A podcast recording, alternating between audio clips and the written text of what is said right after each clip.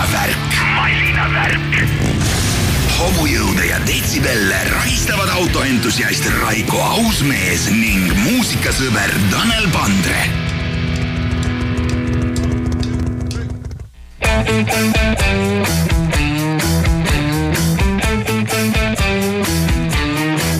If you live by the sword, gonna die by the sword. If you live by the gun, you're gonna die by the gun. If you live for the knife, Will you're gonna get stabbed.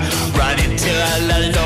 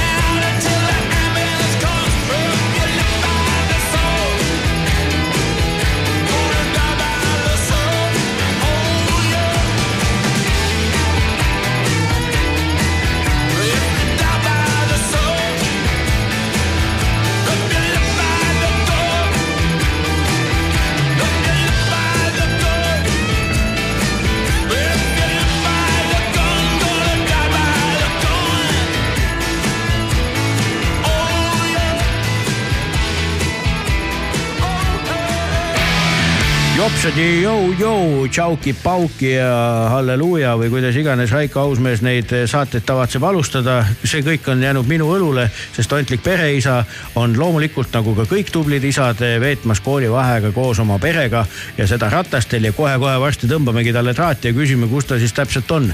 kahjuks on ka viirused ja muu jama ikkagi mõned meie planeeritud külalised rivist välja löönud, kuid nagu ütleb hea vanasõna, ära oma eh, sadat raha oma parem sadat sõpra, nii et ikkagi külla tuleb minu hea vana võitluskaaslane Aivar Kuusk, kes, keda, kes on mul ammu mõttes olnud rääkimaks oma autohuvist, mis ei ole sihuke väga tavapärane ning oma ägedatest reisidest, kus ta siis neljal ja kahel rattal käinud on ja just hiljuti tuli ka ühelt väga ägedalt tripilt, millest kõigest ta tuleb meile siia varsti pajatama.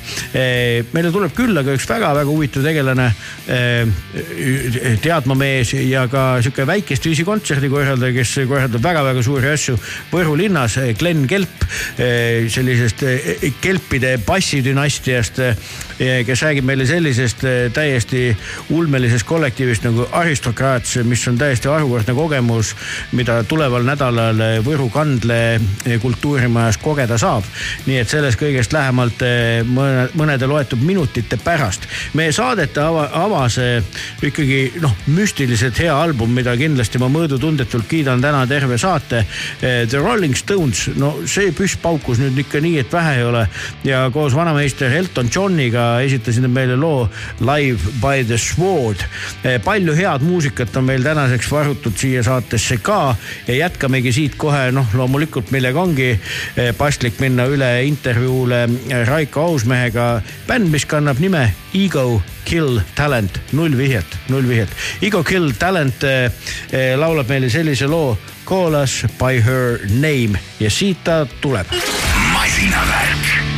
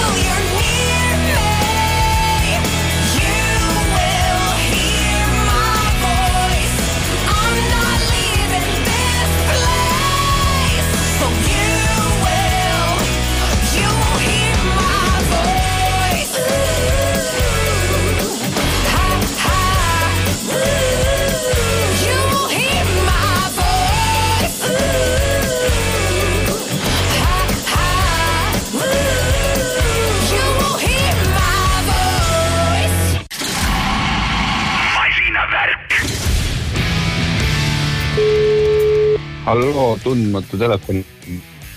see võiks sul küll juba ju tuntud olla, tervist, Raiko, Tanel Pandre, Rock FM ja Masinavärgi saade, kui oled kuulnud.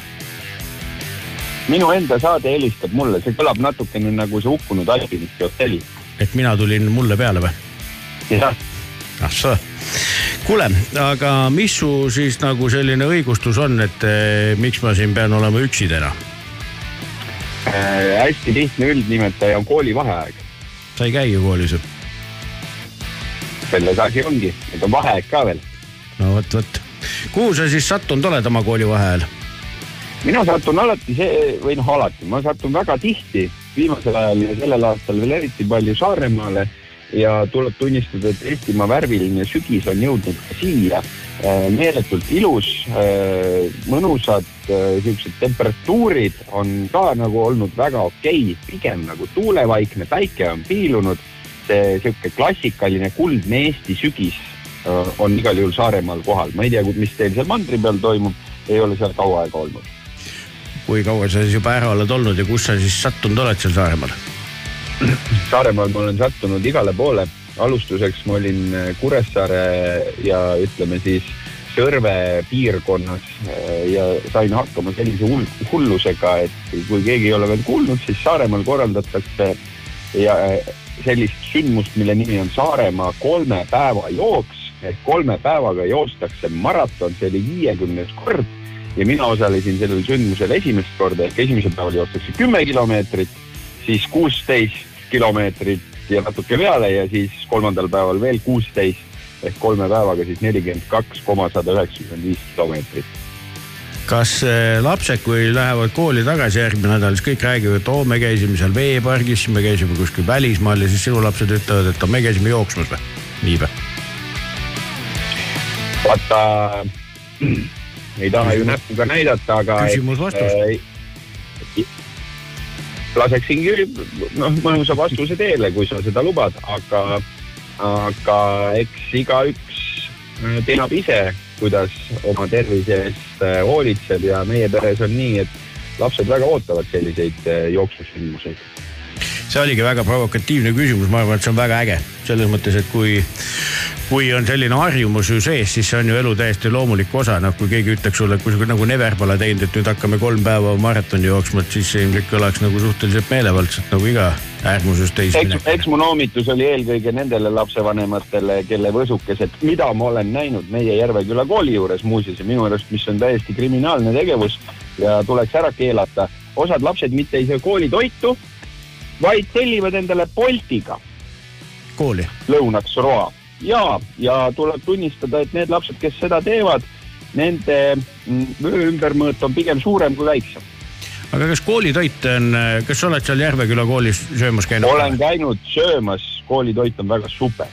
arvad, võib jah? ma arvan, et, et noh, sellest ajast, kui meie koolis käisime, noh nii umbes kümneaastase vahega, on, on ikka nagu valgusaasta kauguses ilmselt arenenud. kooli, koolitoidud on ikka väga head ja see, mis nii-öelda reeglitele need alluma peavad, mis raha eest tuleb ju tegelikult ka valmis teha. no see on täielik nonsenss, vaata kuulad neid mingisuguseid eh, numbreid, et kuuskümmend üheksa senti ja inimene saab, ma ei tea, kolm toitu selle eest, see kõlab täiesti nagu mingi ulme onju. Aga jah, kooli- koolitoidust rääkides, siis äh, meie koolis on väga hästi, meie koolis tegelikult lapsed saavad põhimõtteliselt kolm korda päevas äh, süüa. on hommikusöök, lõunasöök, mis siis on nii-öelda riigi raha eest hommikusöök, mille lapsevanem maksab ise, aga mis on ikkagi väga sõbralik ja taskukohane. siis on võimalik tegelikult pikapäevarühma ka veel jääda ja pikapäevatoitu saada, ehk siis, et kui laps jääb peale kooli veel mingit trenni ootama, see on väga super. siinsamas kooli vahel olles, siis sa näed, kuidas nii-öelda raha sulab äh, pihku, kuigi vot, vot, tuleb vot, tunnistada, tuleb tunnistada ühte asja. kuna on käes sügis, siis ma arvan, et nii palju seeni, nagu meie pere on söönud ära selle nädala jooksul ja- ja erineval kujul eh, ei ole tükk aega, me oleme teinud siin mingisugust seenepirukat, just lõpetasin praegu kukeseenekastmega pasta ja need on kõik siitsamast metsa alt eh, kätte saanud ja see on teine selline tore tegevus. tuleb muidugi enda vastu aus olla, mina olen pigem see, kes eh, on võtnud autojuhi rolli, siis jõuame järgmisse kohta, teised lähevad välja, jalutavad selle metsa all kiiru ära ja siis tulevad jälle auto peale. Aga siiski üks väga mõnus nagu ka selline ajaviitmise vorm sihuke korilase tööd tehes. no just, just ja selles mõttes, et ju nagu kas, kas Saaremaa selles mõttes nagu sügisene Saaremaa e, e, on, on nagu erinev nagu suvisest Saaremaast, kus nagu igal liigutusel tahetakse nagu kõik su raha ära võtta, et kas nagu näiteks kui väljas söömas käia, kas siis nagu hinnad on kuidagi korrigeerunud või ikkagi tasub Ei, või peab ei, ikkagi hinnad- minema metsa seeni to tooma, et üldse kõht täis saada või? Hinnad on äh, samad nagu suvel või vähemalt ma ei, mina ei täheldanud mingisugust äh, vahet ja esimesed päevad möödusimegi seal Kuressaares ja sai käidud ka ühes väikses spaasutuses, aga see koht, kus äh, mul siin ühel heal sõbral on maailma äärel niisugune talu, kus ka ma ütlen, üks pulk mobiililevi, ma imestan, et see jutt üldse meil siit läbi läheb, siis see on niisugune koht, kus äh, aeg saab uue tähenduse ja kuna sügisel on siin veel inimesi eriti vähe, siin on ka suvel vähe selles nagu Saaremaa bändis, siis äh, sul ongi niisugune tunne, et nagu see, kuidas see oli, see Palle üksinda maailmas, et äh, kedagi teist ei ole, käid korjad metsast oma oma seeni, vahepeal pead sõitma muidugi toidupoodi, mis on niisugune, ma ei teagi, pool tundi pluss või midagi sellist. sinna proovid harva minna ja ta on tegelikult äh, väga mõnus äh, nagu koht, koht olla, et vahet ei ole, on see siis suvi, sügis või, või talv. kas sõiduelamus pakub sulle sinu hea ustav eh, truu kaaslane, mis on valmistatud aastal kaks tuhat Prantsusmaal või? no see on nüüd siis nii, nii kaks tuhat, noh, ei ole, kahe tuhandendat, ma tahtsin kahe tuhandendat. see on ka, see on ikkagi kaks tuhat viisteist, aga me ei räägi sellest autost hetkel. ei paku, minul on tarbida äh, Mazda üks äh, väga õnnestunud mudel, Mazda linnamaastur CX kuuskümmend, siinkohal tervitaks äh, Unibet Arena juhti Siim Ammonit, kellel ka selline auto on, ta mingi hetk tagasi soetas endale, küsis mu käest mitu korda, et kas ma olen sõitnud, ma ütlesin, ma pole veel jõudnud. nüüd ma siis jõudsin ja mis on sellised asjad, mis ma selle Mazda puhul välja tooksin, mida Mazda on nii teistmoodi jälle vastuvoolu teinud kui ükskõik milline teine autotootja. siin on Tanel kahe ja pool liitrine mootor peal mm, -hmm. mida enamus ütlevad, et me peame mingisuguseid äh, pisiki ja kolmesilindrilised panema.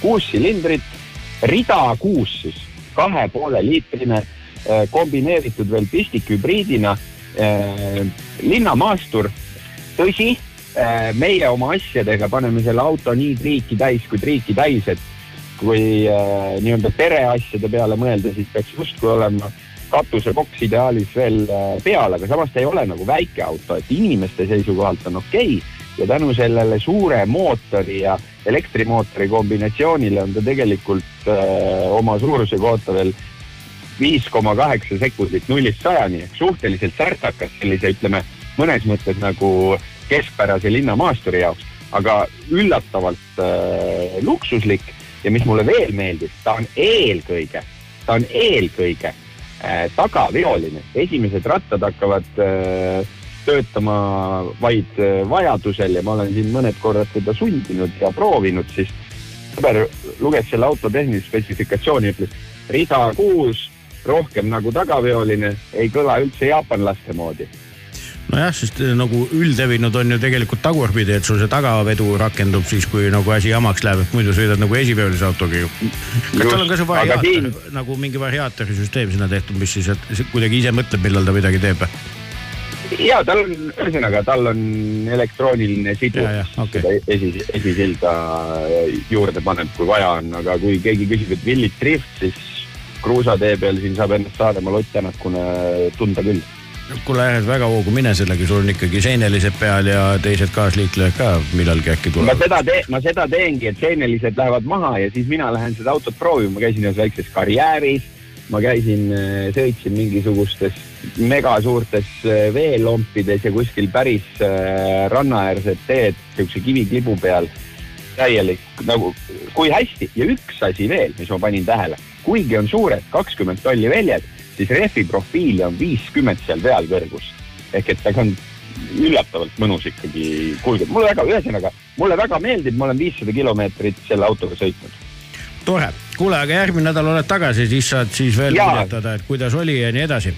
et eh, tervitused perele, et siis ikkagi jooksusamm oleks kerge ja, ja seeneõnne oleks palju, et ei peaks eh, raha eest söömas käima. lõppu olen valinud siukse loo nagu Island in the sun muidugi noh, No saarel nii, ole, olevale inimesele, et päike paistab, esiteks on äh, Viiser ja nende ühe väga vana ja väga tuntud plaadi pealt see lugu tuleb, nii et kuule, palju tervitusi Saaremaale, kui näed tuttavaid, siis tervita ja Saaremaal on kombeks tervitada ka neid, kes üksteist ei tunne. nii et, et ole siis ülesannete kõrgusel ja masina. kokku lepitud. ja, kuule, palju õnne, tšau. When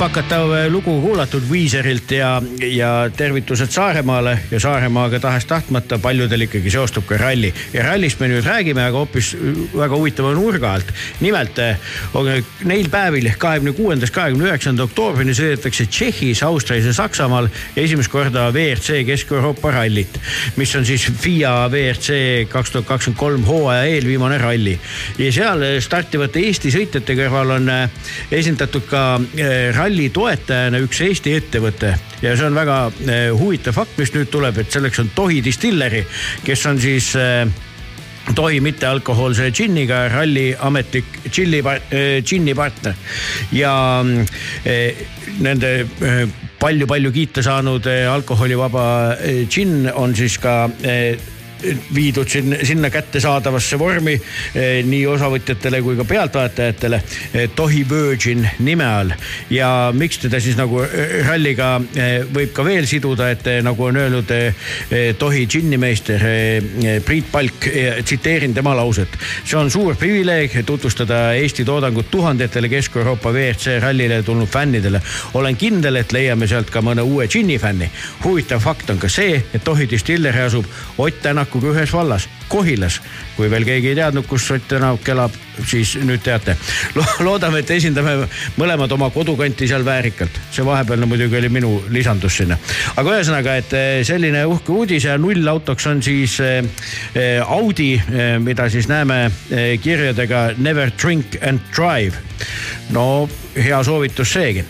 aga nagu meil saates ka kombeks on, et tervitame ka sünnipäevalapsi ja täna on sünnipäev ühel Uus-Meremaal sündinud väga-väga ägedal ja ma ei tea, mis kõikvõimalike auhinnadega pärjatud eh, mehel, kes sai viiekümne viie aastaseks ja kannab nime Keith Urban eh,, sünninimega Keith Lionel Urban. Ja sünnikohaks siis Uus-Meremaa ja kust ta edasi liikus Austraaliasse. ja kui Austraalias olid kõikvõimalikud talendisaated oma kitarrimängu ja lauluoskusega seljatatud, siis loomulikult viis tee kuskile mujale kui Nashville'i, kus siis ta puhus ellu kuskil seal üheksakümnendatel oma karjääri ikkagi kantrimuusika taevas.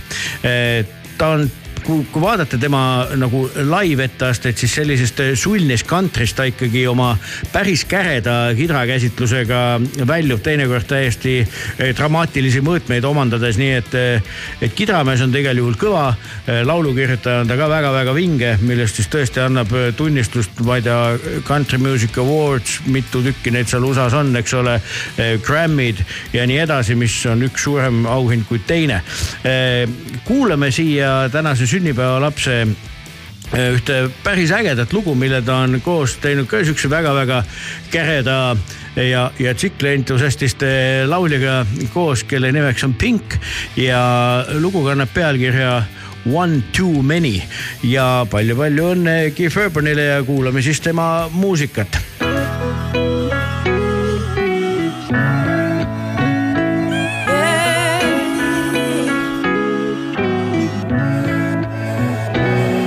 I don't remember much about last night. Woke up on a couch, sunrise. Saw the living room through these bloodshot eyes of mine. Cold sober, you didn't like that I came home late. 4 a.m., but it's a Friday, babe. And I've been working hard. Can't you give me some space that are shouting out, oh my god, oh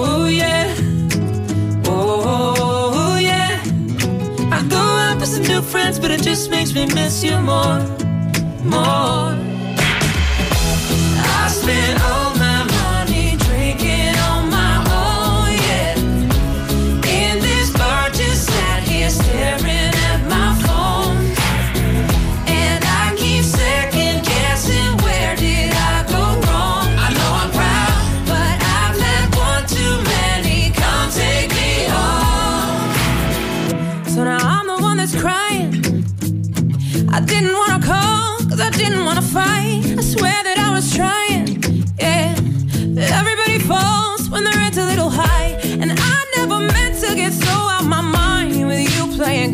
pretending is fine. Oh, we've been round, round, round this too many times before. Oh.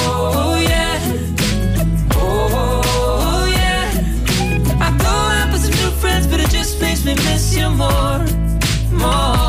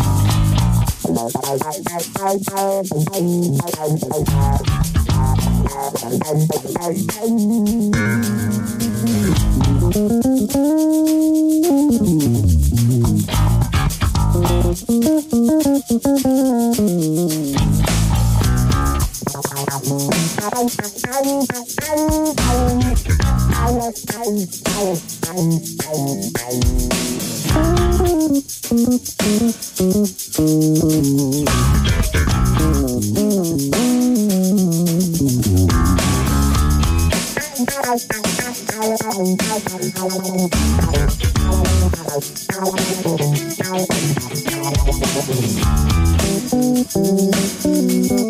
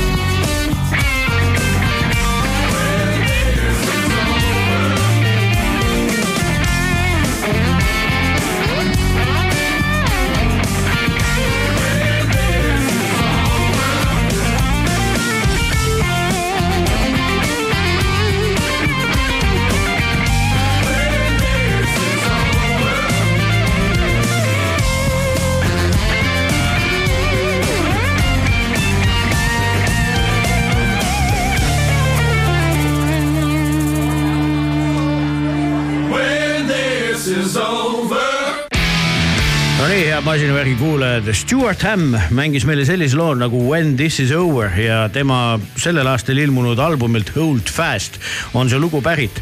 Ja Stu Hamm ei olnud üldse nagu juhuslik valik selle eh, saate pooltunni algusesse, sest eh, meil on külla tulnud ei keegi muu kui Glen Kelp, tervist tere, tere.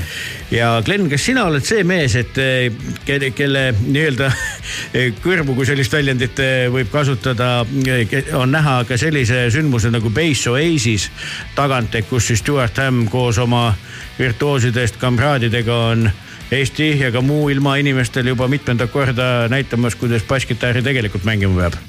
no iga aasta nad natukene ikkagi paistavad sealt tagant, et äh, mina olen see mees, kes võtab äh, teiste sõnasabast kinni, et äh, inimesed saaksid teha, mis neile meeldib ja tuua ka teistele rõõmu.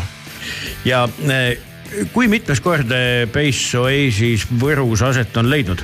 sel aastal oli siis teine kord, et oleks võinud olla ka mõned rohkem, aga noh, me kõik teame, mis kaks tuhat kakskümmend, kaks tuhat kakskümmend üks juhtus, et eh, siis ei olnud kahjuks võimalik, aga kakskümmend kaks lõime otsa lahti ja Stu Hamm tuli siis eh, vahetult eh, enne pandeemia algust oli ta Võrus tegelikult kaks tuhat kakskümmend, et siis eh, oli see täiesti selline eksprompt kontsert tegelikult, ta oli Euroopa tuuril ja, ja läks niimoodi, et eh, selle asemel, et minna Riiga Stu Hammi vaatama, sest Eestis tal kontserti ei olnud tookord, siis ta sai ta hoopis külla kutsutud eh, Võrru. Ja see ei olnud tal esimene kord seal käia ja ja ei jäänud see tal ka viimaseks, sellepärast et need vaated ja see puhas õhk ja kõik see meeldis talle nii palju, et eh, ta otsustas, et oh, siia peab ikka tagasi tulema ja iga aasta tulema. Stuart Hamm tuli kõigepealt kontserdit andma ja siis armus võ, nagu Lõuna-Eesti ilusse või kuidas see ja järjekord, oli? ja tegelikult oli ta juba kaks tuhat kümme käinud Eestis oma Euroopa tuuriga ja tegelikult oli ta juba siis armunud Lõuna-Eestisse, et eh, siis ta veetis ööga Leigol, et see oli noh, Lõuna-Eesti kupelmaastik oli talle juba mällu sööbinud ja kui, kui ma siis kaks tuhat kakskümmend juhuslikult eh, ta poolteist nädalat enne arvatavat kontserdipäeva kutsusin tagasi Lõuna-Eestisse, siis noh, ta ei pidanud mõtlema, et see vastus tuli kohe, jaa muidugi, muidugi tulen.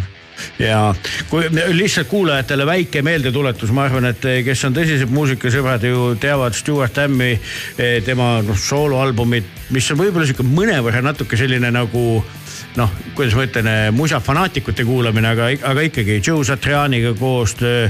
Erik Johnsoni ja Steve Vai ja Joe Satriani G3-e bassimees Steve Vai paljude plaatide peal ja pluss veel lugematu hulk igasuguseid koostöid kõikvõimalike kuulsate tegelastega on, on ju selle mehe nii-öelda diskograafias eh, olemas, nii et, et eh, noh, ikkagi märgiline bassimees tegelikult, et eh, ja noh, üldse muusik, helilooja, kõik asjad kokku, eks ole, et kas, et kuidas sa teda inimesena nagu iseloomustaksid, et nüüd, nüüd olles temaga korduvalt kokku puutunud? jah, tõepoolest eh, läks nii, et eh, meist said suisa sõbrad, et eh, nüüd me suht-, suhtleme iganädalaselt tegelikult ja jagame ka selliseid asju, mida muidu tere tuttavad ei jaga. ta on väga, kui sa temaga oled nii vahetuskontaktis, siis ta on väga aus inimene ja isegi kui ta teeb mingeid vihjeid, mida ta ei taha välja öelda, siis sa ikkagi saad aru, et eh, noh, ta ei taha seda öelda et sa saad ikkagi aru, et ta selles mõttes on ta vahetu inimene, loomulikult ameeriklased, temagi ameeriklane, et ameeriklastel on omad eh, veidrused küljes, et eh, ja muusikutel seda enam, et eh, kas keegi on kunagi näinud mõnda normaalset kunstiinimest. et, et selles mõttes on, ei ole see juhus et, et me kokku saime ja, ja tegelikult see ei ole juhus, et me kokku jäime. Ja, ja ka see hulk muusikuid, keda ta on siia Eestisse kutsunud nüüd kahe ja nüüd hakkab siis kolmanda hooaja ettevalmistamine, et, et ega need ka juhuslikud nimed ei ole, mitte ainult oma virtuoossuse mõttes, aga ka selles mõttes, et millised on nemad inimestena, et see on väga tore kamp muusikuid. värskenda ka mälu, et sellel aastal mulle meenub, et oli veel kaasas Alex Konnik, keda me ennekõike teame Testamendi kiisamehena, eks ole, ja siis see India tüdruk, kelle nime ma ei suuda Mohini Day, just nimelt on ju, kes on ilmselt noh, mitte, mitte ainult tuleviku, vaid ka oleviku. oo oh jaa, oo jaa.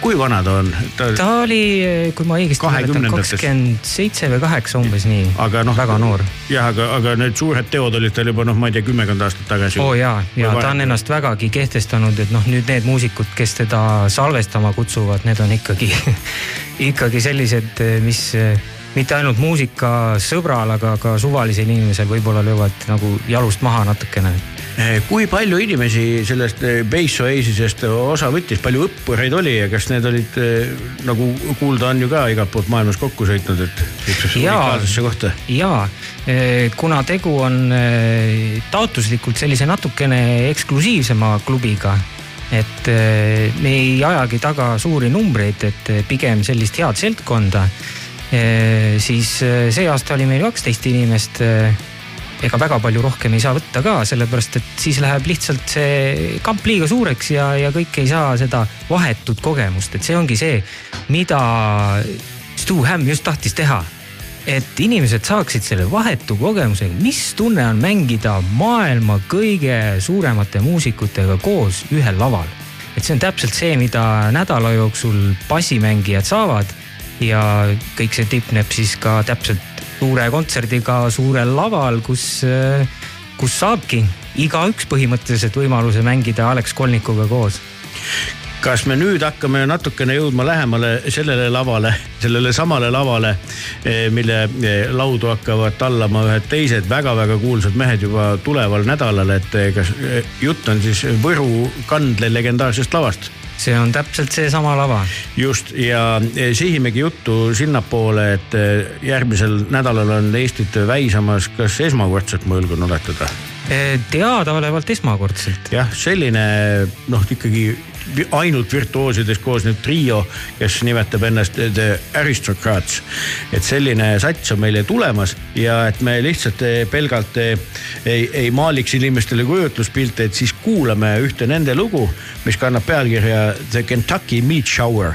ja, ja siis juba räägime Gleniga edasi, et kuidas nüüd, kuidas nüüd järjekordsed maailma nimed on tulemas eh, ei kuhugi mujale kui Võru kandlesse ja suisa isegi kahel õhtul, mida teil kõigil on, õnnestub veel ilmselt ka pileteid saada, et seda kõike vaatama minna, aga kuulame The Aristocratsi The Kentucky Meal Showerit, Meat Showerit. masinavärk, masinavärk.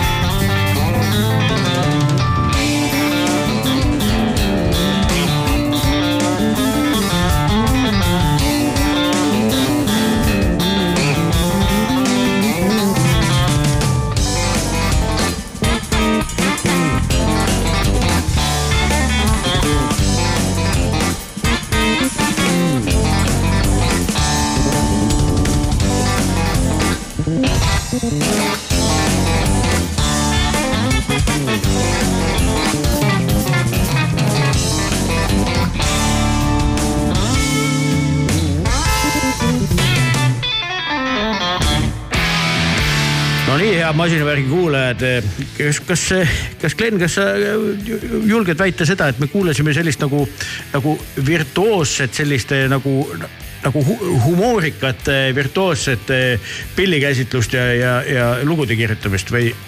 täpselt, täpselt nii see ongi, et kui, kui juba seda loo nime kuulata, siis no Meat Shower, no mis mõttes? No terve see plaat on ju sihuke väikse vimkaga, eks ole, mingi sihuke nagu mingi Mehhiko teema ja ja, ja ja, ja. onju. seal on täpselt see, selle plaadi nimi on Tres Caballeros, et eh, noh, kogu selle bändi, tegelikult juba see nimi on neil võetud ju nalja järgi.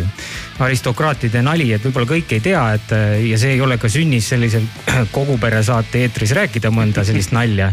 Võib, võib. noh jah, et, et need on võetud on see bändi nimi naljast, kõik nende lugude nimed on sellised humoorikad ja ausalt öeldes kogu see live show ka, mida nad teevad, on ikkagi pikitud igasugu humoorikate elementidega ka. lisaks sellele, et tegemist on tõesti maailma kõige, võib-olla kõige paremate muusikutega. No ja vot see on nagu sihuke hästi suhteline väide, eks ole, tegelikult millega sa ju mõõdad, et ei, ei ole ei kõrgust, kaugust ega kiirust võimalik. aga tõepoolest, et siis eh, paranda mind, kui ma eksin, kas kuupäevad oli kolmkümmend ja kolmkümmend üks oktoober, kui. nad annavad kahel õhtul eh, kontserdid siis eh, Kandle, Kandle, Võru kandlelaval, eks ole. just nii, just, kas sa tead, kui, kui pikka, millise kavaga kontserti oodata on või, või, või milleks inimesed valmis peavad olema? no kontsert on umbes kaks tundi pikk, noh, selline traditsiooniline ilma vaheta kaks tundi kontsert. kindlasti pange oma huumorisoolikas valmis, nagu juba sai öeldud ja saab minu teada kuulda ka sellist materjali, mis veel ei ole välja tulnud, et viimasest plaadist on neil juba natuke aega möödas, aga, aga teadaolevalt on neil uus album juba purgis. mis selle pealkiri on, vist veel ei tea, aga, aga uut materjali nad juba kontsertidel ka mõned lood mängivad. jah, ma vaatangi, et viimane album on kaks tuhat kakskümmend kaks, aga see vist peaks olema. lai, noh, see oli jah. orkestriga, orkestriga koos, eks ole, siis on üks live-album ja kaks tuhat üheksateist ja see oli viimane nii-öelda stuudiolugude album. aga, aga kuule, aga nüüd tuleb küll see ikkagi see kõige olulisem küsimus, või mitte kõige olulisem, kõige olulisem on see, et selline bänd üldse Eestisse tuleb, aga, aga kuidas nüüd selline asi juhtus, et, et sa nüüd lisaks Stuart Hammile ka sellised mehed nüüd suutsid organiseerida Maarjamaa pinnale? eks neid eh, mehi väljaspool bassioaasi, mehi ja naisi käib eh, Võrus teisigi, et on ennegi olnud ja tuleb veel ja nüüd on siis järjekord aristokraatide käes, et Kat-, Katri Kovan kindlasti kitarrimängijatele ei, ei vaja tutvustamist, samamoodi Brian Beller on ju eh, praegu Joe Satriani bändis, tema on küll Eestis käinud Satrianiga ja, ja Marko Minnemann, kes pidi saama Dream Theatri äh, trummariks siis, kui Portnoy ära läks, aga, aga teatud põhjustel sai üks teine mees ja tegelikult hea oligi, et ei saanud, et ta ei oleks sinna sobinud ka, et ta on rohkem sääne teistmoodi mees kui, kui Dream Theater tegelikult ühesõnaga selline kamp on siis kokku saanud ja, ja sa kuidagi osavalt eh, põiklesid kõrvale, kuidas see siis teoks sai, aga, aga ühesõnaga, et eh, fakt on see, et tulemas nad siia on ja kas siis eh, tõepoolest, et esimene läks, kontsert läks nagu nii ludinale, et pidi kohe teise ka müüki panema? nii oli jah, et, et see, see siia saamine, noh, vot see on hea küsimus, et kas see oli keeruline või lihtne, et kui sul on äh, head tuttavad kuskil maailmas, siis võib-olla seda võib nimetada, et see oli lihtne. ja see teise kontserdi saamine tegelikult ei olnud ka raske, arvestades seda, kui hästi läks tõesti see, kui populaarne tegelikult Aristokraats oli, et äh, tegu on ju mitte ainult Eesti ainsa kontserdiga, aga kogu Baltikumi ainsa kontserdiga ja siit kuni, kuni Poolani neil ühtegi teist kontserti ei olegi. no vot, nii et igal juhul väga-väga unikaalne võimalus, aga sina ju oma igapäevatööna ju ilmselgelt ei, ei ole, või mis ilmselgelt noh, et jutu järgi ja kõige tegude järgi ennekõike, mitte jutu järgi, vaid just nimelt tegude järgi võid, on ju täitsa kuulad ja mõtled, et, et sihuke promootor, et, et, et lase olla, aga, aga oled ju täiesti teise eluala ma olen mees. täiesti teise eluala mees, et tulingi just hommikuselt koosolekult, kus sai arutatud natuke hoopis teist teemat, et, et tegelikult ma olen füüsiku taustaga, materjaliteaduse taustaga, et tegelikult ma ajan üldsegi äh, kütuseelemendi asja, et äh, mis võib-olla loodetavasti teeb meil ka elektriautot paremaks, kui, kui selle saate teemasse tagasi tulla, et et juhuseid ju maailmas pole, et meil on siin ikkagi teadlane, kes muretseb selle pärast, millega me kõigega tulevikus liikuma hakkame. absoluutselt ja liikuma hakkame nii, et, et meil oleks mugav ja, ja et see kiirendus oleks vinge, aga samas oleks tankimine mugav.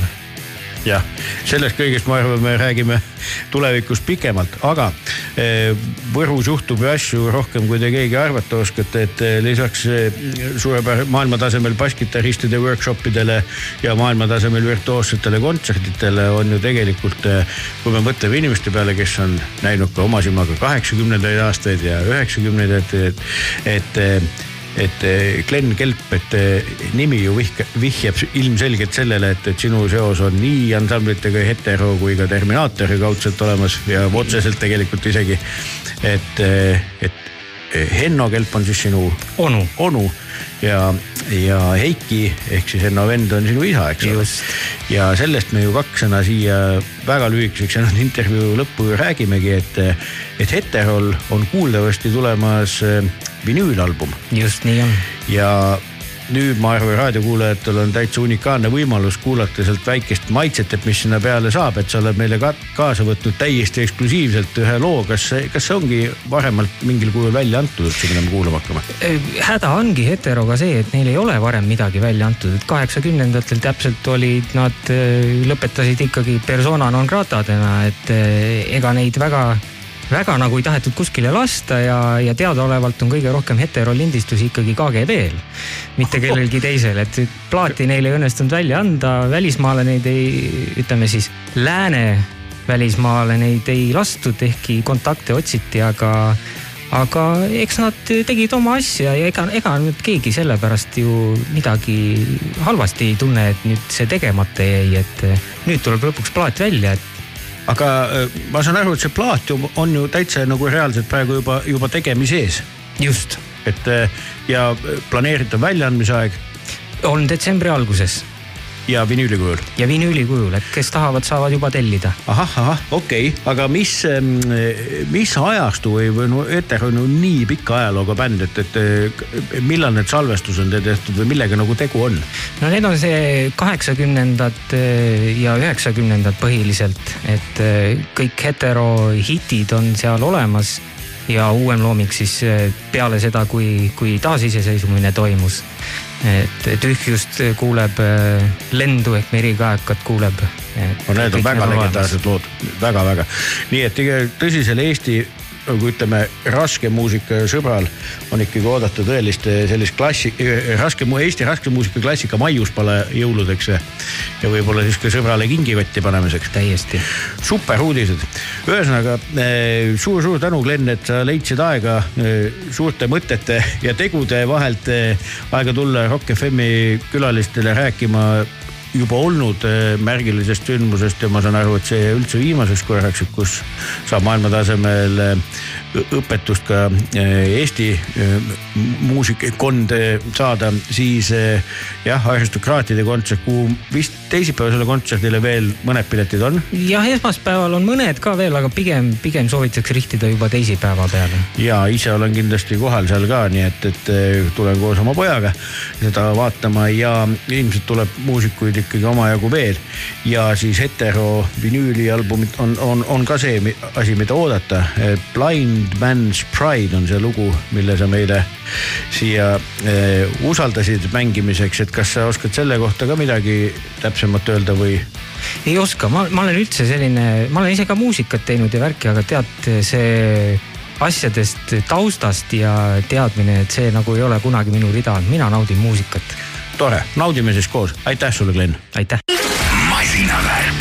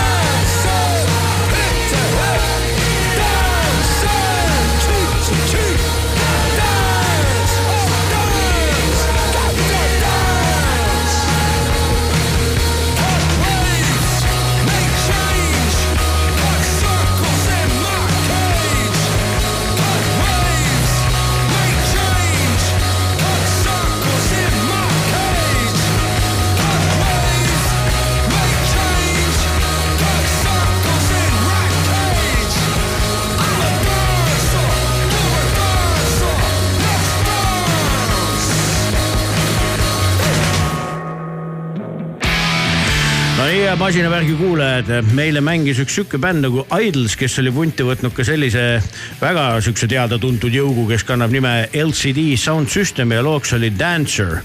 Ja täiesti ootamatult on tulnud ka selline kõva tantsumees, laulumees sündmuste korraldaja, mitte segi ajada ürituste korraldajaga, siis eh, motohuviline, autoentusiast eh,, eh joogimeister mm,, Eh, hobinäitleja eh, ja reisisell et ja kindlasti seda loetelu võiks veel eh, fantaasiarohkem inimene kui mina pikalt jätkata üksainus Aivar Kuusk, tervist.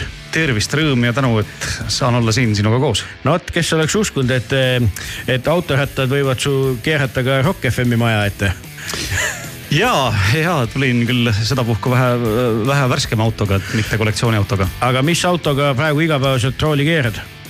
selline vana hea Toyota Land Cruiser on mind niimoodi rõõmustanud juba äkki neljandat põlvkonda.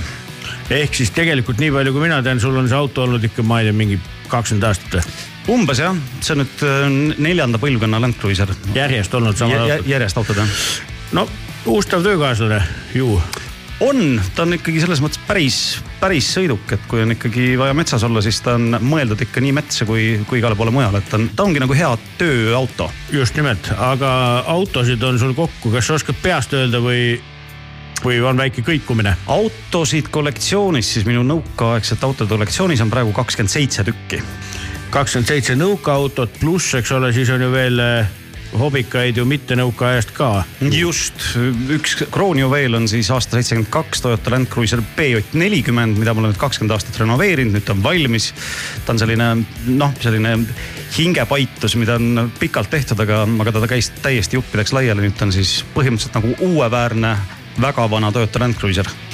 siis on, kas sul see kollane Saab üheksakümmend kuus on ka alles või? see on alles selle, see on mul selles mõttes selline au, au kollektsiooni liige, sest ta oli mu esimene välismaa auto, ma olin kümneaastane, kui ma sõbra äh, onu garaažis seda kunagi nägin ütlesin, et kui ma saan suureks, siis ma tulen ja ostan selle ära. siis ma sain kaheksateist aastaseks enda esimese teenitud palga eest, mis oli kuus tuhat krooni. Läksin, ostsin selle vana Saabi, see on Saab üheksakümmend kuus ja siis äh, kahe aastaga tegin tast niimoodi sõitva eks eksemplari ja ta oli mul kaks aastat täitsa niimoodi igapäevane sõiduauto. kui mu mälu ei peta, siis sellega sa oled suisa kuskil Venemaal käinud vist või? ma käisin äh, toona ja Valgevenes, Valgevenes, linnas nimega Gomel, nii et ähm, ja ta oli esimene pikk sõit, et ma põhimõtteliselt sain ta märjamalt kätte, istusin kohe lenks ja sõitsin äh, Gomelisse ja, ja tagasi. Kuidagi liiga niisugune läbimõeldud otsusena ei kõlagi see kõik. sugugi mitte. aga noh, siin sa nüüd oled ikkagi elu ja tervisega Goomelis tagasi oma. sa, kas ta siis oli juba ka kärtskollane nagu praegu või? ta oli sama tibukollane jah. ja püüdis pilku küll või? ma sain isegi mõlemal korral nii minnes piiri pealt kui ka tagasi tulles piiri pealt sain äh, pikast järjekorrast mööda, kuna piirikodanikud tahtsid väga või siis ametnikud tahtsid seda autot lähemalt vaadata, siis ma jätsin siis õnneks äh, selle ooterežiimi vahele kas sa mäletad sihukest lauset, aga võib-olla sa oled seda öelnud ka sadadele inimestele, kes on ju sama targa küsimuse küsinud nagu mina, et miks sul neid Vene autosid peab nii palju olema? põhjus ses mõttes lihtne, et, ähm, et kunagi, kui ma noh, põhimõtteliselt mu lapsepõlv oli kõik kaheksakümnendatel, kaheksakümmend, ütleme siis selline neli-viis. Kui ma vanaema, vanaema kahetoalise korteri akna peal Kalamäes vaatasin möödasõitvaid autosid, siis tõmbasin ristikesi, et mitu Žiguli ja mitu Mosset mööda läks, siis sealt kuidagi see vaimustus tekkis. ja kuidagi need autod on leidnud äh, teie mu juurde, et ma ei ole neile kuidagi kätt ette pannud, aga nad on kuidagi moodustanud ise kollektsiooniks, et ma ei ole nagu teadlikult kunagi nagu jõuga kollektsioneerinud. aga need kakskümmend seitse autot on tulnud läbi lugude ja noh, siin kiitus ka ETV-le, kes kunagi tegi mu kollektsioonist saate, peale mida hakkasid helistama sellised armsad vanaprouad, kellel oli siis mees kaduma läinud kõrvalt või siis ma ei tea, vend, kelle jaoks need, autod, mis, mis seal gar- garaažides olid, olid selline nagu noh, eluasi, mis said siis äh, vähe sõitu, aga selle eest väga palju villast sokikest ja tolmpühkimist. ja, ja nende soov oli siis see, et äh, need autod ei lõpetaks siis kuskil poisikestega põllu peal äh, rallides enda, enda teekonda, vaid et satuks kollektsiooni ja sinna, sinna ma sain reaalselt kolm sellist autot, mida noh, ei, hea õnnega ega rahaga ei ole võimalik osta, need on põhimõtteliselt nagu tutt uues, noh näiteks Niiva, mis on sõitnud kaks tuhat kilomeetrit aastast seitsekümmend kuus. Mosse kombi seitsekümmend viis aasta auto, mis on sõitnud alla viie tuhande kilomeetrit, ühesõnaga sellised nagu eriti rariteetsed nagu uueväärsed autod. No väga äge. Ja noh, just, eks ole, ja siis mõtledki noh, okei okay,, seda ei ole ju veel juhtunud, küll aga on ikka paanikat suudetud ikkagi kõvasti ju külvata, et, et sa peaksid ju oma kogu eest täitsa nagu kopsakad summad praeguste mõtete kohaselt eh, hakkama maksma, et, et ma ei tea, kui sellega mingit erisust välja ei mõelda, siis on midagi ikka küll väga mäda, eks ole, et kui hoitakse mingit pärandit, eks ole, ja nii edasi, nii edasi, et noh, eraautokogud ja üldse kogu see hobiautondus on ju noh, ma arvan, et selle peale pole isegi keegi mõelnud, on ju, et see tundub ju nii ajuvaba tegelikult kogu selles valguses TV3 käis mul külas Seedri farmis, mis on mu teine hobi ja armastus, seal mõne auto vahel niimoodi tegemas väikest ähm, piltlikult nagu arvamusküsitlust, et mis on, mis ma arvan sellest automaksust.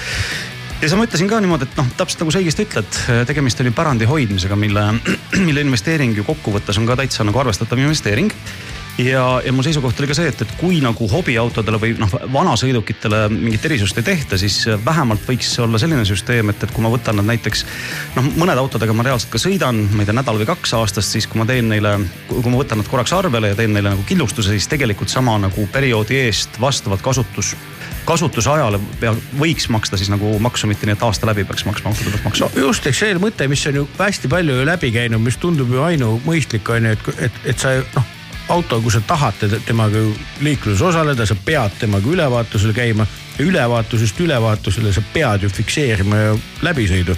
väga okei okay.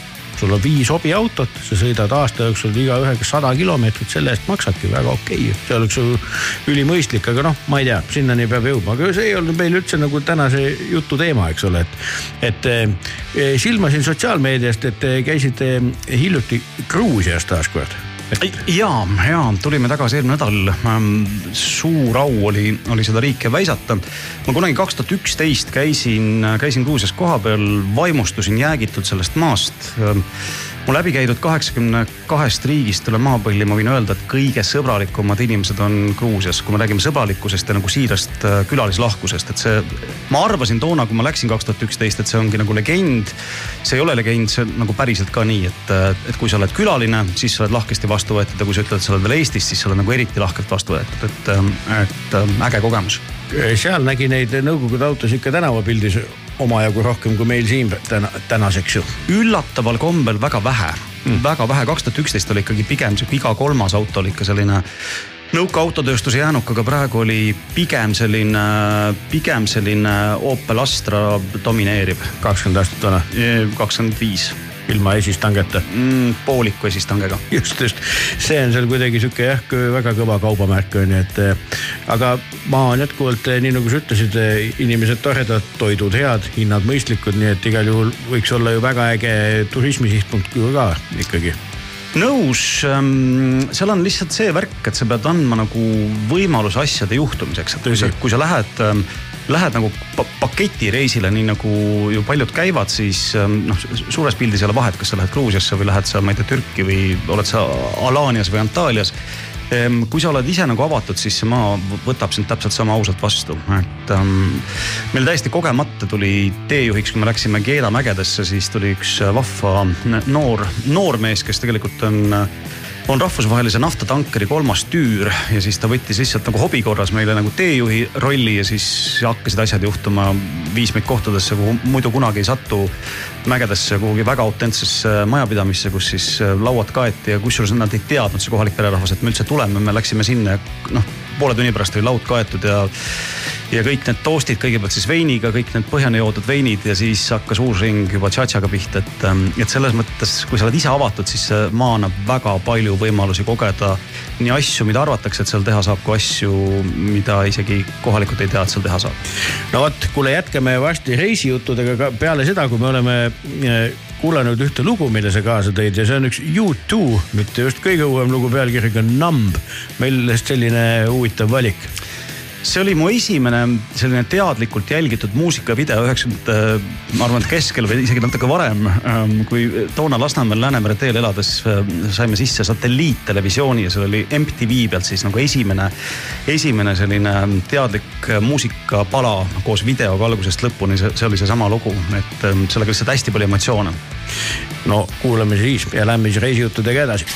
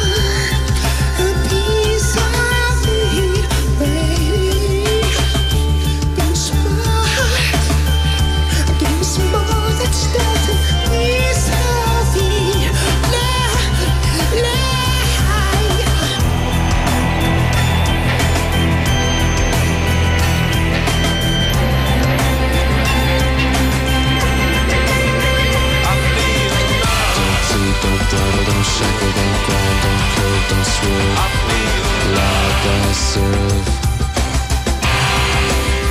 I. Theorize, realize, polarize, dance, dismiss, apologize.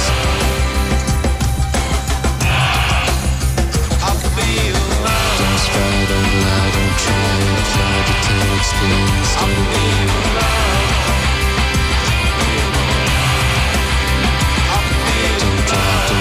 don't cling, don't don't fake, deep, don't leak, don't speak.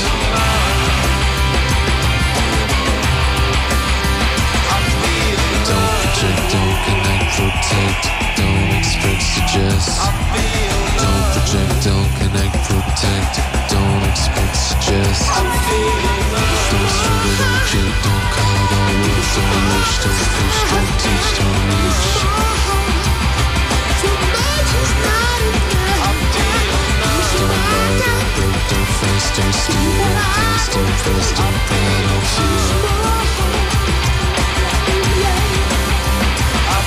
Don't touch, dare, don't suffer, don't rhyme, don't fantasize, don't rise, don't fall. Don't project, don't connect, protect, don't expect, suggest. Don't project, don't connect, protect, don't expect, suggest.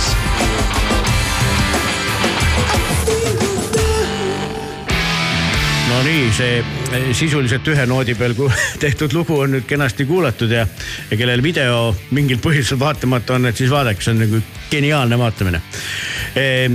reisi teemadel meil see jutt pooleli jäi, et eh, sa oled ka selline eh, kirglik motomatkaja, et kuidas su see, see senine või tähendab selleaastane hooaeg välja nägi ja, ja, ja, ja, ja mis on nagu kõige eredamad sõidud, mida sa tahaksid meenutada?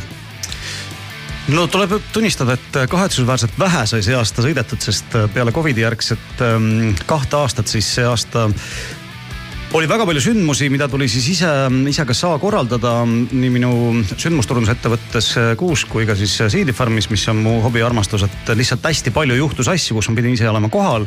sõidud olid pigem sellised linnast, linnast maale ja maalt linna. ma arvan, et mu hooaja kilometraaž kokku tuli äkki kas viis tuhat kilti, et noh, ikkagi suhteliselt, suhteliselt vähe mida, mida ma meenutan, noh, ma väga palju kõikidest nendest reisidest kokku, ma arvan, et üheksakümmend protsenti ma avastasin see aasta Eestimaad. jube äge on sõita, minu eh, hinges on väga eh, suurel, suurel ja austaval kohal BMW GS, et kunagi ma alustasin suure lö- löriseva motokutsi Californiaga, siis ma sain aru, et, ähm, et kui on niikuinii sõitu väga vähe, et siis võiks olla juba väga hea mootorratas, millega, millega sa- saab igal pool sõita või noh, väga paljudes kohtades. Ja, ja sealt tuligi GS mu ellu, et, et lühi, lühidalt jah, vähe, vähe villa ja palju kära oli see, see suvi, see hooaeg. nojah, aga, aga ütleme, kui sa meenutad heldimusega eelmiste hooaegade peale, et mis sul nagu täitsa spontaanselt esimesed äh, ägedad mõtted on, et mida jagada ja mida sa võib-olla tegelikult, mida me siin ka alati saadetes toonitame, praegu ongi õige aeg mõelda järgmise, järgmiste reiside peale, et mida sa, mida sa soovitaksid? No mul on endal hästi tore motoseltskond Umbo ja MC, kellega ma olen siis aastaid-aastaid, äkki viisteist pluss aastat käinud iga aasta vähemalt ühel nagu pikal reisil. nüüd me oleme lõpuks saanud poisid nii kaugele, et me ikkagi paneme Eestist mootorrattad äh, konteinerisse ja viime ikkagi rekkaga nad punkti B ette, sest me siiamaani tegime seda vana head Eesti, Läti, Leedu, Poola, mis tegelikult ju kahenädalasest reisist sööb nii suure osa ära. palju ägedam on see, et noh, näiteks kui me tegime Inglismaa, Šotimaa, Walesi, siis me ikkagi saime mootorrattad ilusasti saime DSV-ga kohale, nii et sa lähed lennukiga triiksärgis, astud maha saad enda mootorratta kätte, tõmbad roobad selga, hakkad juba samal päeval sisuliselt seda maad avastama, et see kolm päeva, vähemalt kolm päeva sinna, kolm tagasi, see jääb kõik nagu sinna sihtriiki, mis on ainuõige lahendus minu meelest et ses, ses mõttes ma soovitan jah siiralt, et kui, kui on vähegi võimalust äh, viia raamide peal rekkaga äh, mootorrattad kohale või siis rentida koha pealt. just, just, et aga just sa mainisid eh, Šotimaa, Wales ja mis veel oli? see oli Inglismaa, Šotimaa, Wales oli siis äh, kokku poolteist nädalat sõitu. just, suurepärased teed ja suurepärane avastamine kindlasti. No Norra järel ma arvan, Norra ja, Norra ja siis ähm, Britannia kokku, ma arvan, mängivad sellist nagu top, top kahe esimest ja teist kohta, et noh, Norra läänerannik imeline, imeline et ähm, noh, Norras ma sain veel nii sukeldumiskire kui ka, kui ka kalapüügikire ühendada kõik nagu motomatka, et see oli super äge reis, me läksime siit äh, Helsingist siis autorongiga viisime rattad üles, üles Põhja-Soome, sealt siis tõmbasime supsti poole päevaga, ütleme noh, sihuke päevane rahulik reis on siis äh, Norra et ilus tee läbi nende tundrate. meil läks väga hästi ka näiteks ilmaga, öeldi, et äh, septembri keskel hakkab seal juba mõnes kohas lund sadama. reaalsus oli see, et meil oli selline kaheksateist kuni kakskümmend kaks kraadi sooja. super sõiduilmad ja, ja lihtsalt see lääne, läänerannik äh, on Norras imetabane teed väga heas korras, kõik need serpentiinid. just ühel poisil oli meil toona kaasas äh, või vabandust, Goldwing. Goldwingiga natukene ebamugav neid serpentiine kruttida, aga, aga, aga ilusad teed. Norrat soovitan väga okei okay. aga ütleme eksootilisematest kohtadest, noh, kuhu ilmselgelt oma ratast ilmselt ei saada, aga, aga mi, mis sul sealt meenuvad ägedad kohad? Üks väga äge motoreis oli, oli Põhja-Taimaal. Põhja-Taimaal, seal on täiesti üleval on, on selline vahva tuhande, tuhande kilomeetrine ring. Mae Hong Son Loop, tuhat kilti umbes, rahulikult kruttida selline nädal aega avastamist ja ta hakkab nagu Chiang Maist pihta ja, ja tuleb uuesti Chiang Maisse tagasi ähm, uskumatult head teed, need teed viivad läbi väga autentsetest küladest, kuhu turist ei ole üldjuhul väga sattunud. et sa näed nagu kõike seda, mida sa muidu ka ei näeks, et noh, täiesti teistsugune Taimaa, täiesti teistsugused äh, maitsed ähm, väga ägedad inimesed. see tuleb lihtsalt arvestada sellega, et seal osad teed on päris üleval mägedes, et me sattusime seal kahe tuhande kahesaja peale, kui sa ikka nagu oled arvestanud sellise õhukese tuulejope reisi ja väljas on sul ikka noh, sihuke kuus kraadi või kaheksa kraadi sooja, siis ja ta läheb nätskeks, sõidad läbi pilvede, et, et, et ühtpidi on nagu külm, teistpidi on natuke ohtlik. ja tee on väga libe. tee on väga libe jah mm. -hmm see on väga tore, väga tore tiir, et ja sekundeerin eelkõnelejale olles selle ka ju eh, läbi avastanud ja soovitan kõigile kahel käel, et see on kihvt avastamine. et meid seob ka üks, mitte üks, meid isegi mitu eh, Florida reisi mis on, mida, mida meenutan ka hea sõnaga selles mõttes, et, et seal nagu on see ilmakarantiin nagu päris tore on ju. et, et avastasime Key Westi ja Evergladesi ja selliseid paiku siis koos ja ka noh, iga kell läheks uuesti, kui võimalus avaneks.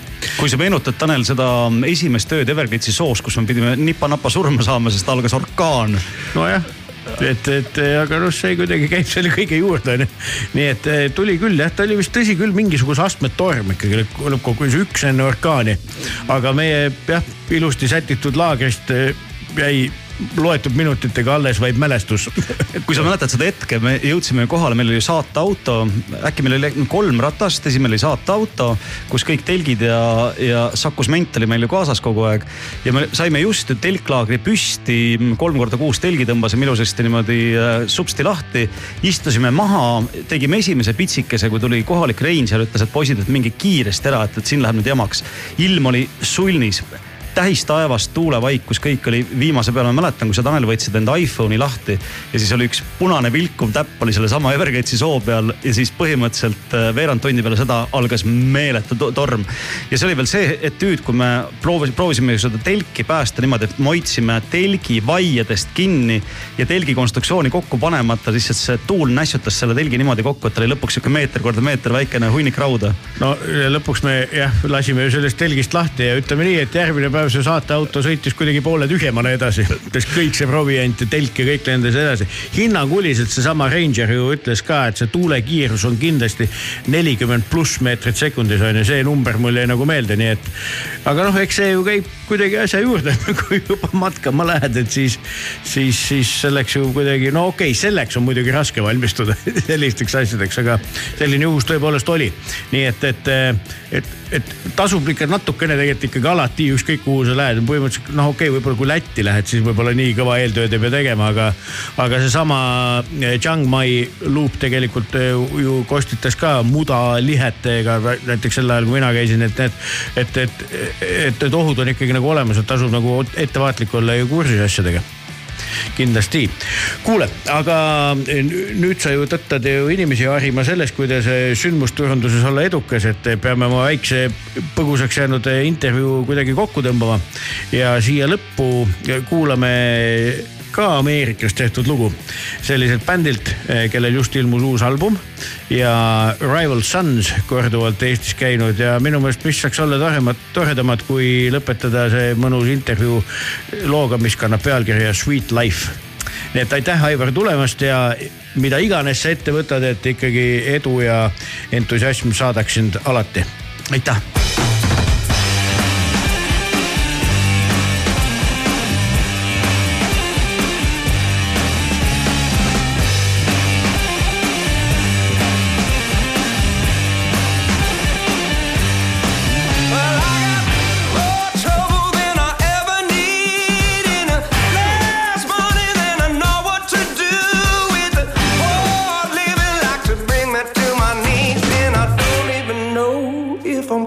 get through. Don't tell me that my patience is a virtue. I need some good news. I need some good news. Don't tell me that I've got to be without you. I've got to have you. I've got to have some more that.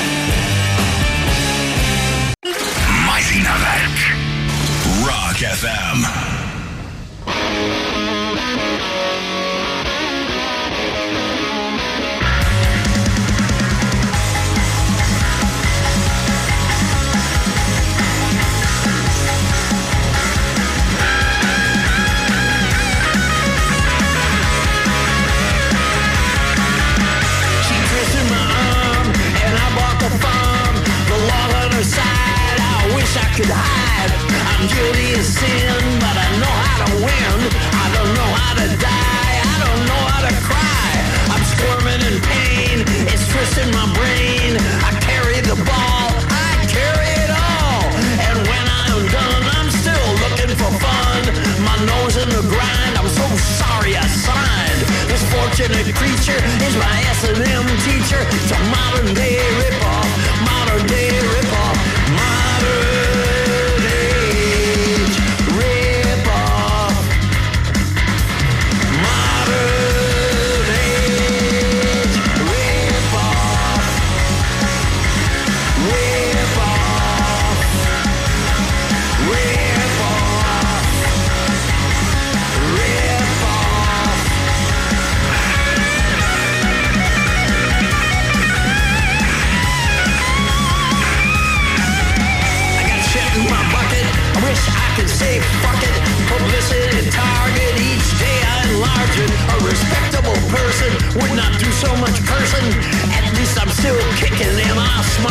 Chicken?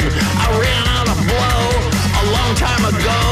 I can't smoke a J or my guts fly away. This fortunate creature is my S&M teacher. Modern age ripoff.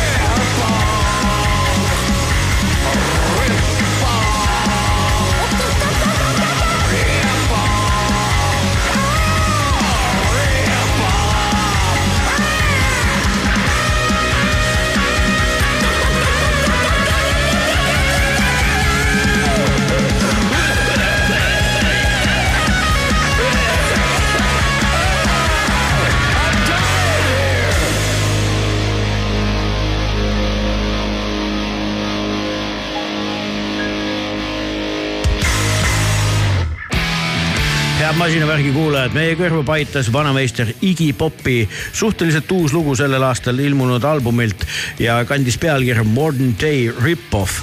nüüd me peaksime tõmbama ajajoone ei kuskile mujale kui meie saate algusesse ning meie esimene lugu, mida me kuulasime, kandis pealkirja Life by the Sword ja mille, mille esitasid meile The Rolling Stones ja Elton John. ja selle kõige taga on üks selline suhteliselt noor tüüp, kes alles hiljuti sai kolmekümne kolme aastaseks ja kannab nime Andrew Watt. Andrew Watt on äh, äh, esinenud ka sellise omanimelise projektiga, mis kannabki nime Watt. sünnipärase nimega Andrew Wattmani me leiame tegelikult väga-väga muljetavaldava äh, artistide rivi tagant, et äh, võtan siit üksikud nopped nendest. näiteks äh, me leiame siit Justin Bieberi nime, Post Malone'i, Avicii, Rita Ora, Cardi B, Lana Del Rey ja, ja Charlie XX, XXX Blink One Eighty Two ja siit muidugi Rock FM-i kuulajatele erilised maiuspärad nagu Ozzy Osbourne, kindlasti no, võib-olla natuke vähem Rock FM-i sõpradele, aga siiski Miley Cyrus, Dua Lipa, Sam Smith ja äh, Maroon Five, Ed Sheeran, no ühesõnaga lõputu nimekiri ja tüüp ise mängib kidramehena sellises supergrupis, kus lauljaks on selline pulltegelane, teada-tuntud mees Pearl Jamist ehk siis Eddie Vedder ja löövad kaasa ka Chad Smith äh, Red Hot Chili Peppersist, tema kunagine bändikaaslane Josh Klinghoffer samast bändist ja, ja Chris Chaney Change Addictionist. et ei ole ka paha punt, kellega koos kitra tõmmata, aga, aga tegemist on äh, ikkagi väga-väga muljetavaldava produtsendiga, et noh, kui ikkagi lastakse selline ähm, tegelane, no tõesti nagu, nagu lummavalt hea albumi produtsendiks, mille Rolling Stones just välja andis ja loomulikult eh, kannab pealkiri Hackney Diamonds, kes pole veel kuulanud, tehke seda kindlasti. et eh, ja, ja, ja mees ja, ja rääkimata, eks ole jah, tõesti Ozist ja muudest sellistest ikoonilistest tüüpidest, et, et mehes on sisu, mehes on, on tegelikult sihukest tuumakust väga palju ja pole ka ilmaasjata, et ta on eh, võitnud ka Grammy eh, aasta produtsendi tiitli kahekümne esimesel aastal ja, ja, ja, ja ka seda natuke raske omapoolse muusikaga seotuna, et, et siis, kus oli Metallica Blacklisti album ja kus peal lõi kaasa ka Miley Cyrus looga Nothing Else Matters. nii et, et igati noh, kõva avastamine, et mina olin sellest mehest kuulnud, aga mitte väga süvitsi läinud ja lugesin, uurisin juurde ja tõesti see tema helikeel ja selline väga värske lähenemine.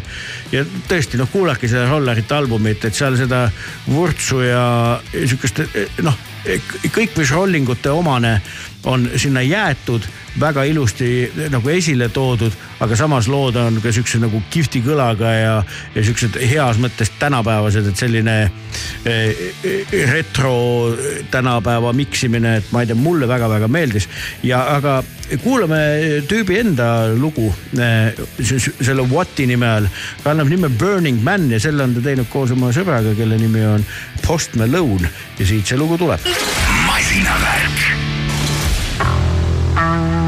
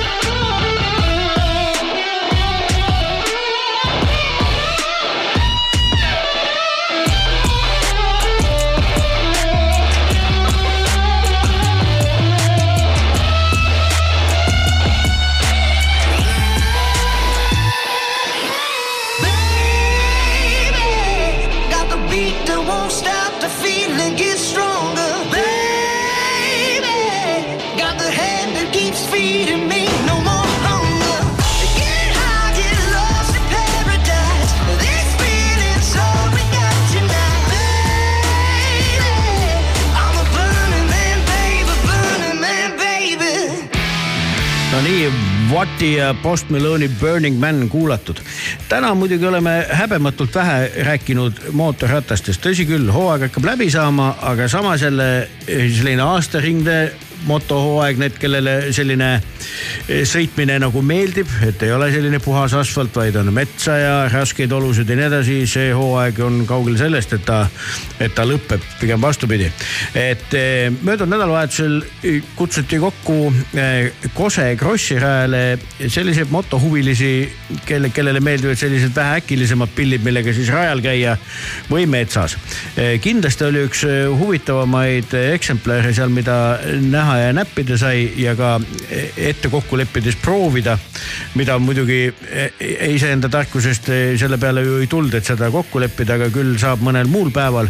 tegemist siis ei millegi muuga kui rattaga, mille nimi on Stark Varg ja tegemist on elektritsikliga, elektrikrossikaga, mis siis annab välja veel üheksasada kolmkümmend kaheksa Newtonmeetrit ja neljateist tuhande kahesaja pöörde juures minutis on ju, mis on tegelikult päris eh, julmad numbrid on ju ja ja süsinikust ümbrusega mootor on, on, on tal see, mis seda kõike, kõike tekitab. loomulikult iga elektriratta puhul kohe kõige esimene küsimus, palju kaalub ja nii edasi, kaua on sõiduaeg. lubatakse kuni kuus tundi ja seda siis kokku umbes ühe või kahetunnise laadimisajaga. ja, ja kaaluks on sada kaheksateist kilo ja võimsuseks kaheksakümmend hobujõudu. mis teeb selle tsikli väga huvitavaks, et tal on sada sõidurežiimi, mis on kõik juhitavad siis Starki enda Android telefoniga. ja põhimõtteliselt seal, kus meil muidu on tsiklil harjumuspäraselt igasugused kellad, on tänapäeva elektritsiklil telefon, kus ta siis neid sõidurežiime kõiki võid endale hakata niimoodi nii-öelda sätitama, et kindlasti tsikli puhul on veel märkimisväärne see, et, et tal on võimalik valida seitsme erineva vedustuse vahel, mida sa siis nagu tellid endale vastavalt oma kehakaalule. ja, ja, ja siis on ta veel kaks sihukest huvitavat optsiooni, et sa võid näiteks tagapiduri panna, kas siis noh, kuna tsiklil on nii-öelda üks pikk käik on ju, panna siis tagumise piduri kas jala alla või siis näppude alla põhimõtteliselt nagu jalgrattal. et kindlasti on ta väga vinge pill, kerge ja kindlasti ka väga kiire, et kuna jah, tal on nagu see kaalujaotus on, on selline, et raskuskese on hästi alla viidud ja igatpidi optimeeritud aga just jah, see, see, see sõidurežiimide valik ja, ja, ja lahe on nagu see, et, et näiteks, et kui, kui olete, täiesti ju saab võistelda, eks ole mm, nii-öelda harjumuspäraste sisepõlemismootoriga tsiklitega ja siis sa määradki ära selle, et noh, ma ei tea, täna sõidan ma ei, kahesaja viiekümnestega, siis sa võtad selle sõidurežiimi, fikseerid selle, seda annab lukku panna või teine asi, et annadki selle telefoni näiteks kohtuniku kätte, et sa sõidu ajal mitte midagi muud ei muuda ja lähed ja võistled ja põhimõtteliselt võid minna järgmisele võistlusele ja tõsta selle, ma ei tea, kubatuuri võimsuse võrdväärseks näiteks kolmesaja viiekümnese pilliga, et see on sihuke väga-väga huvitav asi, millest ei olnud enne, enne midagi kuulnud, nii et, et selline kõva avastamine. Volt, Velt mototsentris on see pill nähtaval, et kellel huvi, minge kindlasti visake pilk peale. et loomulikult saab sinna juurde kuulata ka müügijuttu, et vaatamata krõbedale hinnale, kuidas see siis kõikide õlivahetuste ja filtrivahetuste ja kõikidega meeletult raha kokku hoiab. tehke kiired arvutused, kui palju te sõitma peaks et see hind nagu tavalise tsikliga võrreldes tasa teha, aga noh, vot see ongi sihuke põnev, põnev teema, mida siis pimedatel sügisõhtutel üksinda ja sõpradega siis arutada ja teha. aga igal juhul tulevikuratas on see kindlasti. ootan põnevusega ka enduro varianti, mis pidi siin lähiaegadel turule toodama. motouudistest veel nii palju, et täna on see päev kui esimesed huvilised saavad näha siis kauaoodatud ja suurt elevust tekitanud BMW GS tuhande kolmesadat. peaks olema Tallinnas täiesti saadaval ja esimestele inimestele ka nähtav, nii et jälgige reklaame, kellel selle margi ja mudeli vastu rohkem huvi on, et siis kindlasti Inchcape Motors on see koht, kus seda kõike teada saab ja järgmiseks suveks omale ka selle pilli soetada kuulame siit edasi sellist vanameistrit, kes ka eh, selle raadiokanalis ehk siis Rock FM-is pühapäeviti inimesi rõõmustab, Duff McKagan, kellel just valmis uus album, eh, mis kannab pealkirja Lighthouse ja tema vana võitluskaaslane Slash on siis eh, Duffiga punti hüpanud ja nad on kahe peale teinud siukse ägeda loo, mida me kohe kuulama hakkame ning mis kannab pealkirja Hope.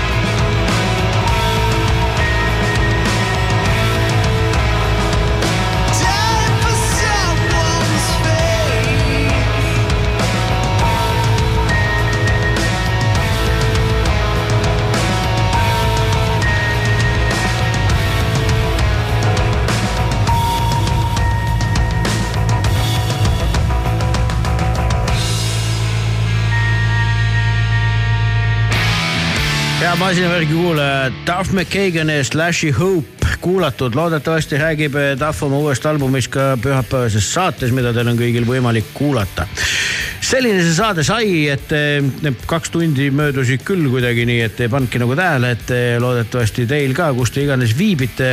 ja kindlasti loodame teid juba järgmine nädal Raikoga võõrustada uute uudistega tehnikamaailmast ja, ja rock n rollist. eelolev nädalavahetus pakub teile ikkagi väga palju igasuguseid ägedaid asju, millega tegeleda. ärge unustage minemast eh, vaatama Euroopa või mis Euroopa, maailma kõige vingemaid trailisõiteid Unibet Arenale sündmusele nimega Tricks. üle hulga aja ja sellel aastal kuuldavasti viimast korda annab eh, kontserdi küttebänd, kes pole näinud, see vaadaku, kes on näinud, see nautigu taaskord. tegemist siis Eesti väga vingetest muusikutest ko ko koondunud projektiga, kes siis esitab absoluutsete roki ja metalli klassikate Paavli kultuurikeskuses leiab see aset täna õhtul ja ka laupäeval on ei kellegi muu kui vanameister Rein Rannapi uue albumi esituskontserdid kinomajas. nii et kellel plaanid tegemata, siis on ka see väga mõnus koht, kus kuulata täiesti lummavalt ägedat muusikut eh, mehe sulest, kelle, kelle varamusse kuuluvad ikkagi absoluutsed eh, pärlid Eesti rokkmuusika varamust. et eh, ja tegemist on kõvasti ja loodan, et tervised on korras, rehvid peagi vahetatud ja mis hoiavad teid ilusti tee peal, kuhu te iganes kulgemas olete. kuulame siia lõppu ühte igi-igihaljast klassikat, mille on siis uuesti salvestanud just uue albumi välja andnud Doro Pesh ehk siis hüüdnimega või, või esinenimega Metal Queen Doro koos oma hea sõbra Rob Halfordiga ja tegemist on siis Judas Priesti Living After Midnight nimelise looga. nii et eelolevat nädalavahetust ja pimedaid öid silmas pidades Living After Midnight on igati, igati paslik lugu, millega lõpetada kahekümne kuuenda oktoobri masinavärgi saade. tšau ja kuulmiseni.